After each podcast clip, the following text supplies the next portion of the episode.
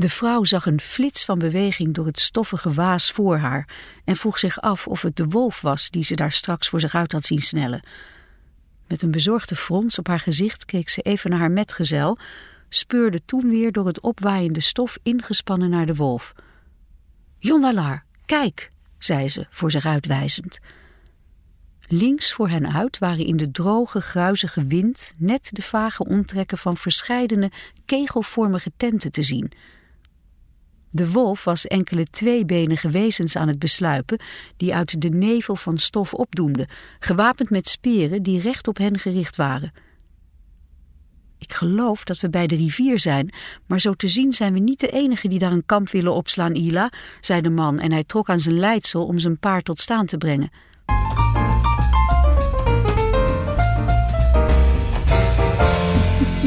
Welkom bij Tinium Talks, de podcast over de wereld van luisterboeken. Vanuit de Tinium Studios in Weesp. Ik ben Roel Foy en vandaag in de studio tv-icoon. uh, icoon in beeld en geluid, want je spreekt ook al heel lang in. Ja. Diewertje Blok. Ja. Hoi. Hoi. um, want dat is ergens in de jaren negentig ben je al begonnen, geloof ik. Oeh, dat zou best kunnen. Ik weet, ik weet nog hoe het kwam, want ik deed toen uh, Desmet live samen met Francisco van Jolen in Studio Desmet in Amsterdam. En toen ging het over de week van het luisterboek. Ik wist helemaal niet, ik denk dat dat er toen net was. Ik wist niet van het bestaan. En toen hadden wij in de studio. Um, oh, hoe heet ze nou? Die ook veel inleest. En die prachtige zangeres. Och, wat erg, kan ik niet opkomen. En uh, van uh, Studio Rubinstein, uh, Dick Broekman. En toen ze, heb ik gewoon gezegd van, oh, wat, ik lees zo graag voor. En mijn kinderen zijn nu te oud, die willen dat echt niet meer. En als je nog eens iemand nodig hebt, ik wil graag ook inlezen. Ja. Ik heb gewoon mezelf aangebracht. Want? Beatrice van der Poel. Hey, bedoel ik. Ja, Ach, ik dacht, ja. daar komt ze wel op terug. Wat dat, erg uh, dat, ik dat niet weet. Ja, ja. ja. Uh, ook een hele goede stem Ja, trouwens. prachtige stem. Ja. Heel mooi. Ja. Nou ben jij uh, altijd uh, te zien geweest. Ja. Als het ware inderdaad een icoon voor, voor Nederland. Iedereen kent je. Wat zorgt ervoor dat je dan uiteindelijk te horen wil zijn? Hmm. Want je ziet je niet, je hoort je ja, wel. Ja, dat is dat. Ik vond ook in vroeger altijd zo'n micro. Ik had een beetje microfoonangst vroeger. Ik begon wel voor de radio, maar heel kort en ben eigenlijk heel snel televisie gaan doen. En uh, televisie is, daar kan je met blikken, bewegingen, gelaatsuitdrukkingen. Je hebt nog ontzettend veel hulpmiddelen om iets te vertellen. En alleen een stem is gewoon heel erg lastig. Dat, is, dat, is, uh, dat voelt heel kaal en heel naakt en veel bloter dan vreemd genoeg voor mij voor die camera zitten. Omdat je daar veel meer kan verbloemen op een of andere manier. Ik, kan, ik, kan, ja, ik weet niet of ik dat goed uitleg ja, zo. Dat doe je heel goed. En dan, doe je, en dan heb je ineens, en dan ben je heel erg bewust, want je hebt natuurlijk ook je, een koptelefoon op en is het alleen maar die stem. Het is al heel, je moet ontzettend wennen aan je eigen geluid al om dat te horen, natuurlijk. Ik ben dat inmiddels heel erg, maar ik weet, en ik weet ook van andere mensen, als die voor het eerst hun eigen stem horen, dan schrik je je kapot. Want je hoort jezelf nooit zo. Hè? Je, dat, je, je, je hoort jezelf anders als je gewoon zo praat. Dat is een ander geluid dan als ik het terughoor via een, uh, via een koptelefoon. En dat, dat, voelt, dat is gewoon, heeft iets heel engs. Ik vond het dus in het begin heel eng. Maar ik ben er steeds meer van gaan houden, omdat het. Ik hou ook heel erg van radio. Uh, omdat het veel meer ruimte geeft uiteindelijk voor de ontvanger. Het laat veel meer. Uh, tenminste, dat is wel mijn bedoeling. Dat er veel meer ruimte is voor verbeelding en het veel prikkelender kan zijn dan alles maar in te vullen wat televisie doet. Tegenwoordig is ook bij radio, hè, ik heb het bij Radio 4 ook. Ik, ik haat het echt. Er staan gewoon camera's overal in die radiostudio's. Radio is tegenwoordig te zien. En juist het heerlijke en unieke en fijne van radio is juist dat je het niet ziet. Dat je het zelf, dat er ruimte is voor andere dingen en ruimte voor je eigen fantasie en verbeelding. Dus ik begrijp daar helemaal niets van dat ze die magie van de radio.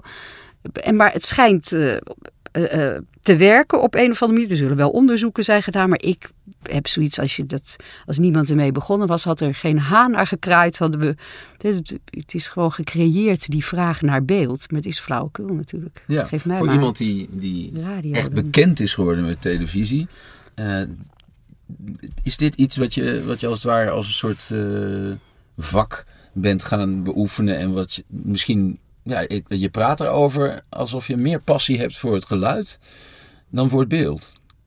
Nou, het is, ik vind het eh, een grotere uitdaging om met geluid mensen te bereiken dan als je je hele hebben en houden in de strijd kan gooien. Het is gewoon, het is, het is lastiger vind ik, maar daardoor wel een grotere uitdaging. Waar, waar komt dat? Ik vraag, vraag mij dan weer af, Ja. waar komt dat vandaan? Bij iemand die als het ware echt omarmd is altijd door, door het publiek. Eh, eh, eh, liefdesliedjes die in de, in, in, in de Nou, popcharts eentje, waren in de jaren tachtig. Gaan we Ja, niet overdrijven ik heb hem godsnaam. vanochtend nog even afgespeeld. Oh jee. Ja, maar het was wel grappig voor mijn dochter. Eh, ehm, zij is 16 Ja. en zij kent jou van het Sint- Sinterklaasjournaal. Ja. En ehm, eh, vreemd genoeg was het nog best wel een, een aardig nummer ook nog. Ja, het is helemaal niet best, zeker. eh, best ja, goed, eh, zeker. Ja, goede ja, ja, ja, ja. ja. Ik vond het toen wel vreselijk, maar goed, het was meer omdat je al die aandacht eigenlijk niet wil. Ik heb Nee. altijd daar een Ja. soort rare relatie mee gehad, snap je? Dat je wel, ik voel me ontzettend op mijn gemak voor de camera, maar ik ben me er nooit zo van bewust geweest dat je dan bij een heleboel mensen. eh, ik, ik realiseer me nooit de andere kant van de camera op een of andere manier. Weet je, ik zit ervoor zoals ik tegenover jou zit, bij wijze van spreken. Mhm. Natuurlijk is er wel iets meer spanning, maar toch redelijk, eigenlijk als mezelf, en redelijk ontspannen.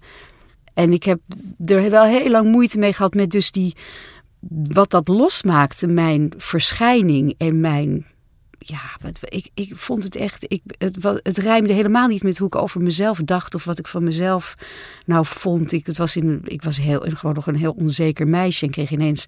vonden mensen van alles van mij waarvan ik dacht, nou, dat lijkt me een beetje overdreven, weet je wel. Ze, ze weten helemaal, ze, mensen meenden mij te kennen.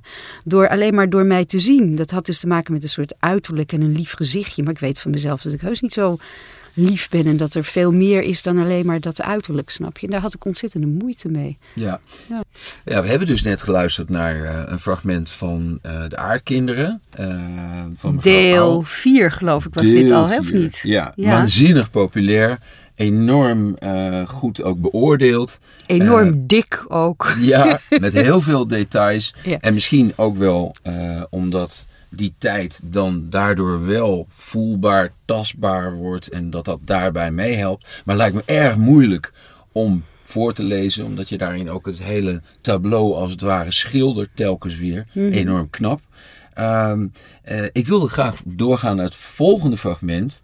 Omdat daar een karakter in zit. We hadden het daar net eventjes over eh, wat jij betekent voor mensen. En wat de rol die je voor mensen vervult. En die soms heel erg eh, ja, ver kan gaan. Want voor het karakter daar, de, ho- de hoofdpersoon daar, ben jij een soort moederfiguur.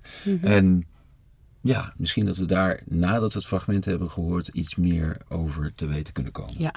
De avond is ongemak van Marieke Lucas Rijneveld. We groeien op met het woord, maar de woorden ontbreken steeds vaker in de boerderij. Zo is het al ver na koffietijd en toch zitten we nog steeds stilzwijgend in de keuken en laten onze hoofden knikken op niet gestelde vragen, met de veearts die op vaders plek aan de kop van de tafel tegenover moeder zit. Hij drinkt zijn koffie zwart, ik mijn limonade donker. Vader is zoals iedere middag voor voedertijd op de fiets naar het meer vertrokken om te kijken of hij iets over het hoofd heeft gezien. Een blauwe wasknijper aan de linkerbroekspijp, zodat deze niet in de spaken waait. Vader ziet veel over het hoofd. Hij kijkt meer naar de grond of naar de lucht dan naar de dingen op ooghoogte. Ik zit daar met mijn lengte nu precies tussenin en moet me groter of kleiner maken om door hem gezien te worden. Op sommige dagen kijk ik hem na vanuit het keukenraam tot hij nog maar een klein zwart stipje op de dijk is een vogel die uit zijn zwerm is gevallen. In de eerste weken na mijn broers dood verwacht ik nog dat hij, verkleumd, dat wel, op de bagagedrager van vaders fiets teruggebracht zou worden, dat het allemaal nog goed zou komen. Nu weet ik dat vader altijd met een lege bagagedrager terugkomt en dat Mathies niet terug zal keren. Net als dat Jezus niet op een wolk naar beneden komt. God, wat kan die schrijven? Ja, ja. zij kan zo goed schrijven. 26, 27 jaar. Meesterlijk boek. Was ik heel blij mee dat ik dit mocht inlezen. Ja. ja. Wat, wat trekt je zo aan in deze schrijfster? De, uh, de, de, de taal.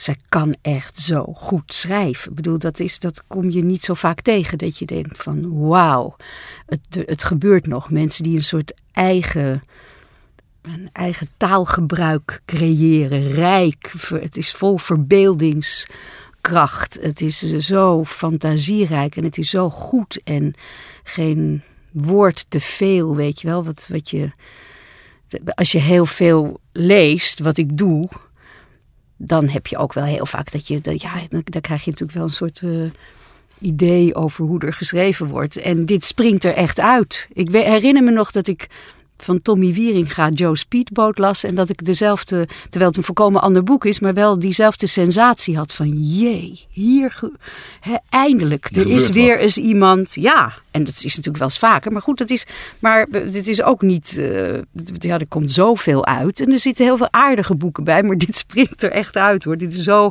gewoon zo'n geweldig talent en zo zo goed met taal omgaan. Hmm. En dat is bijzonder, want uh, bedoel, de, de, het wordt alleen maar armer qua taalgebruik, heb ik wel eens het idee. Er wordt gewoon, hè, de Nederlandse taal, er wordt helemaal niet zo veel goed geschreven en gebruik gemaakt van de rijkdom van onze taal en van goede, mooie woorden en zo. En dat doet zij fantastisch. Ja. Dus het is er gelukkig nog. Ja. Het is een heel ernstig boek. Het is een heel serieus boek. Ja, maar ook, ja, het is, het is heel ernstig. Het is best donker, maar er zit ook lichtheid in. En soms is het, moet, je, moet je zelfs ook lachen, is er ook humor. Maar natuurlijk de ondertoon uiteindelijk is heel ernstig. Het gaat er volkomen een, een gezin wat volkomen uit elkaar valt door de dood van uh, uh, de oudste zoon, die Mathies. En die ouders weten, die redden dat niet. Het is een streng gereformeerd, denk ik, gereformeerd, in ieder geval heel christelijk uh, gezin ook. Waarvan ik dacht, toen ik het begon te lezen, dit speelt zich echt uh, eh, 60 jaar geleden af. Maar het is gewoon in deze eeuw, weet je wel, dat je denkt dat dat nog bestaat. Heel erg streng.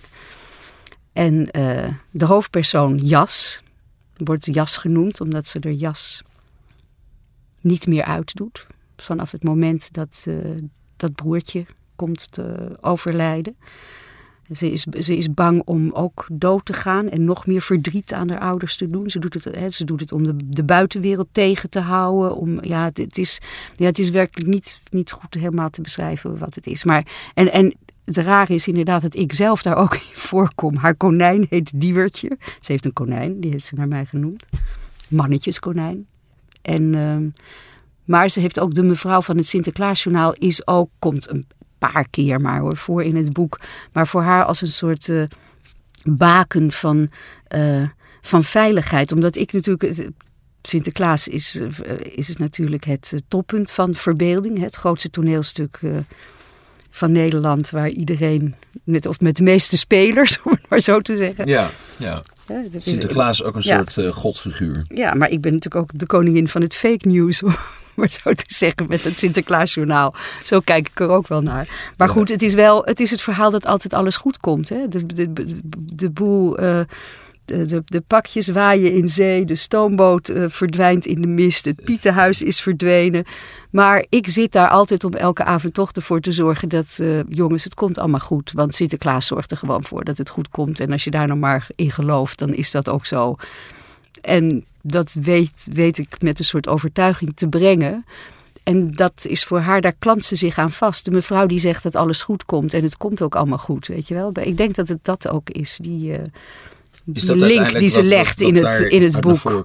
ja. Nou, dat haal ik eruit. Het wordt allemaal, dat wordt niet zo expliciet. Maar ik ben wel de mevrouw die zegt dat het allemaal weer goed komt. Ondanks uh, de, de, dat de pakjes verdwenen zijn. De pakjes zijn er heus op 5 december. Dus dat is ook voor haar ja, een soort. Uh, moet je dat. Ja, een soort. Uh, punt op de dag in de tijd dat het Sinterklaasjournaal is. Dat geeft een soort rust en een. Uh, En, en want ze heeft een moeder die volkomen, dus de, ja, die het helemaal laat zitten en, en echt zichzelf een beetje kwijtraakt. En dat is natuurlijk heel onveilig voor een kind, weet je wel. Dus dat ze mij misschien als zo'n soort figuur gaat zien.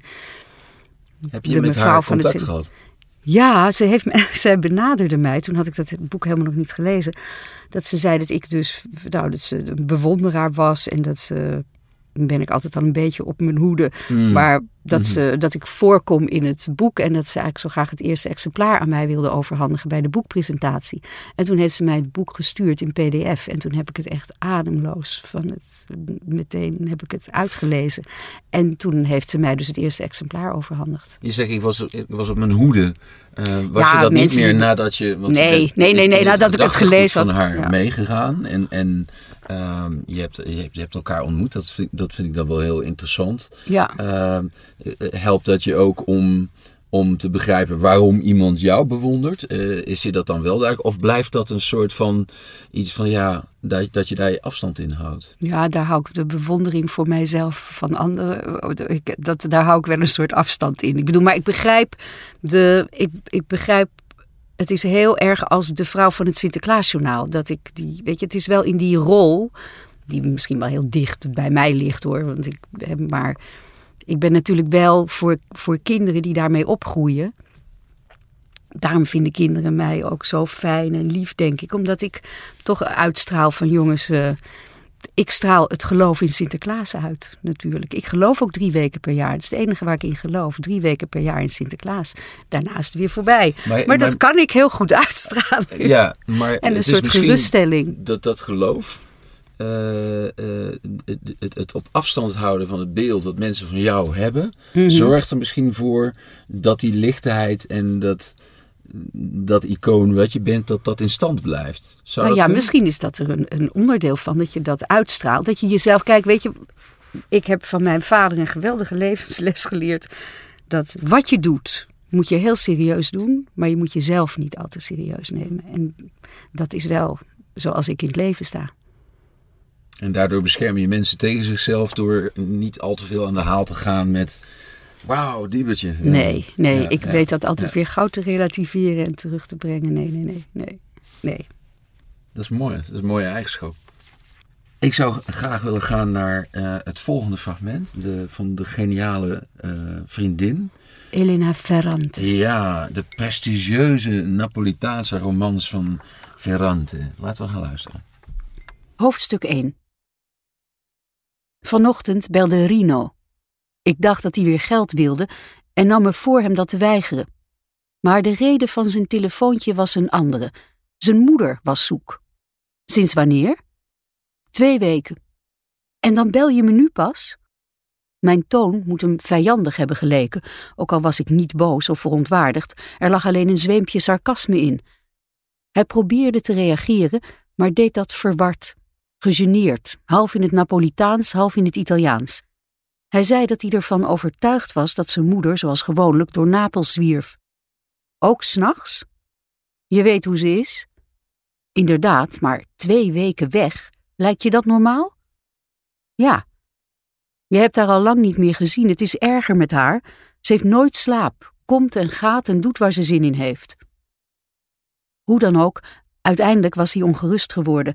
Hij had iedereen naar haar gevraagd, was de ziekenhuizen langs gegaan, had zich zelfs tot de politie gewend. Tevergeefs, zijn moeder was nergens te vinden. Wat een goede zoon, een zware man tegen de veertig, nooit gewerkt, alleen maar loesje zaakjes gedaan en geld verkwist. Ik stelde me voor met hoeveel zorg hij had gezocht. Met geen enkele. Hij had geen hersens en alleen voor zichzelf had hij hart. Ze is niet toevallig bij jou? vroeg hij ineens. Mooi. Mm, mm. Wij hadden hier gisteren eh, Himke de Vries. Ja. En die sprak een, uh, een Twentse uh, streek thriller in. En die zei, ik, had, ik, moest me, ik moest me beheersen om niet in het, in dialect op te lezen. Dat, dat, dat, leek me heel interessant. En hierbij had ik het idee om het op een Italiaanse manier ja, uit te spreken. Ja. Omdat die karakters natuurlijk enorm gepassioneerd zijn. En uh, dat was mijn, mijn eerste associatie die ik hierbij had.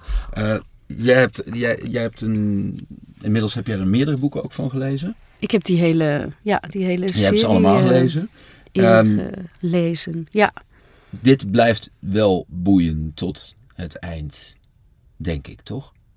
Mm, nou, ik vond het eerste boek vond ik fantastisch. Maar ik vind het op een gegeven moment, vond ik het zelf. Maar goed, mensen zijn er wild van wel een herhaling van zetten worden. Maar ja, weet je, als je zoveel leest, dan word je ook wel erg kritisch hoor. Ik bedoel, het is dus zelden dat ik, eh, zoals bij De Avond is Ongemak, echt, eh, echt zo helemaal idolaat van een boek ben. Wat ik trouwens, wat- dan voel ik me ook nog eens extra verantwoordelijk tegenover zo'n schrijver, hè, Marieke Lucas eh, Mm, in dit mhm. geval. Omdat ik haar dus ken inmiddels. Dan denk ik, oh goh, ik wil, het, ik wil het voor haar wel heel goed doen. Dat vind ik best eng. Maar die, ja, Elena, Elena Ferrante, ik vind het. Ik vind het minder worden naarmate de, de, de, de serie vordert zelf. Minder interessant dan op een gegeven moment weet ik het wel.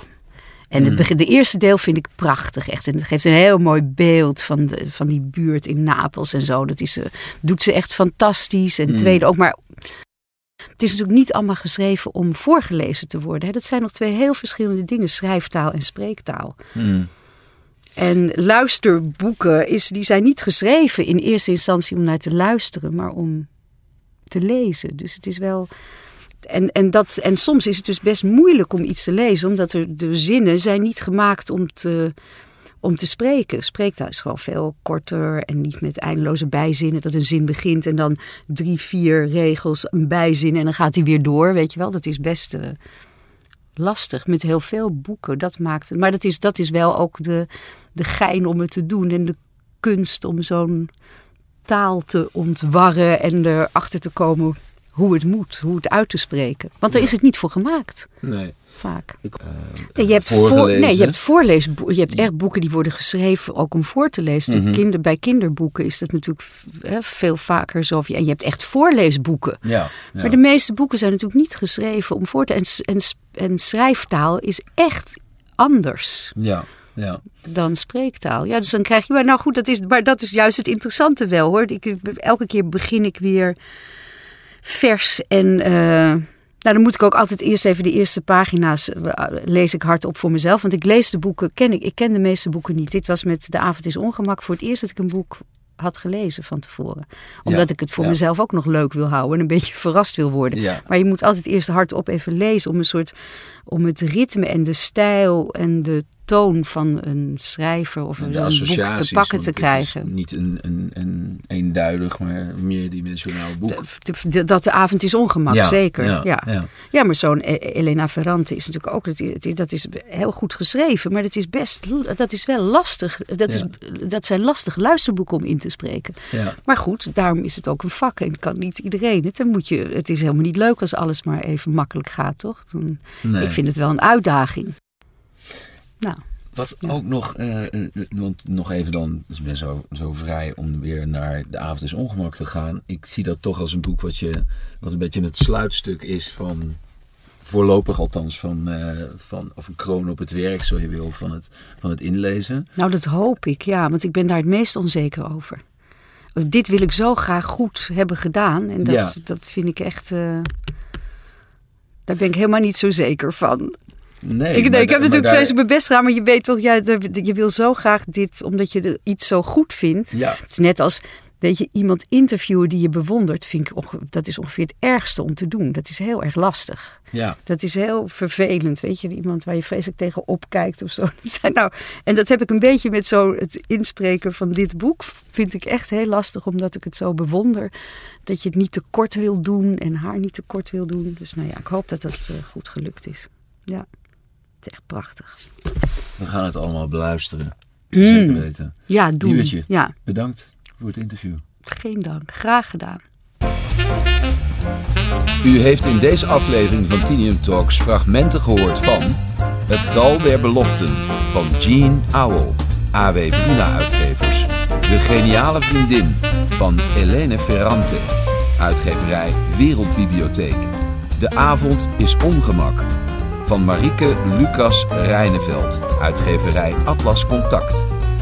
Met dank aan onze sponsor Luisterrijk.nl en de genoemde uitgeverijen mogen wij van de drie besproken luisterboeken een exemplaar weggeven. Wil je kans maken op een van deze luisterboeken? Stuur dan een mailtje naar info.tinium.nl onder vermelding van de titel.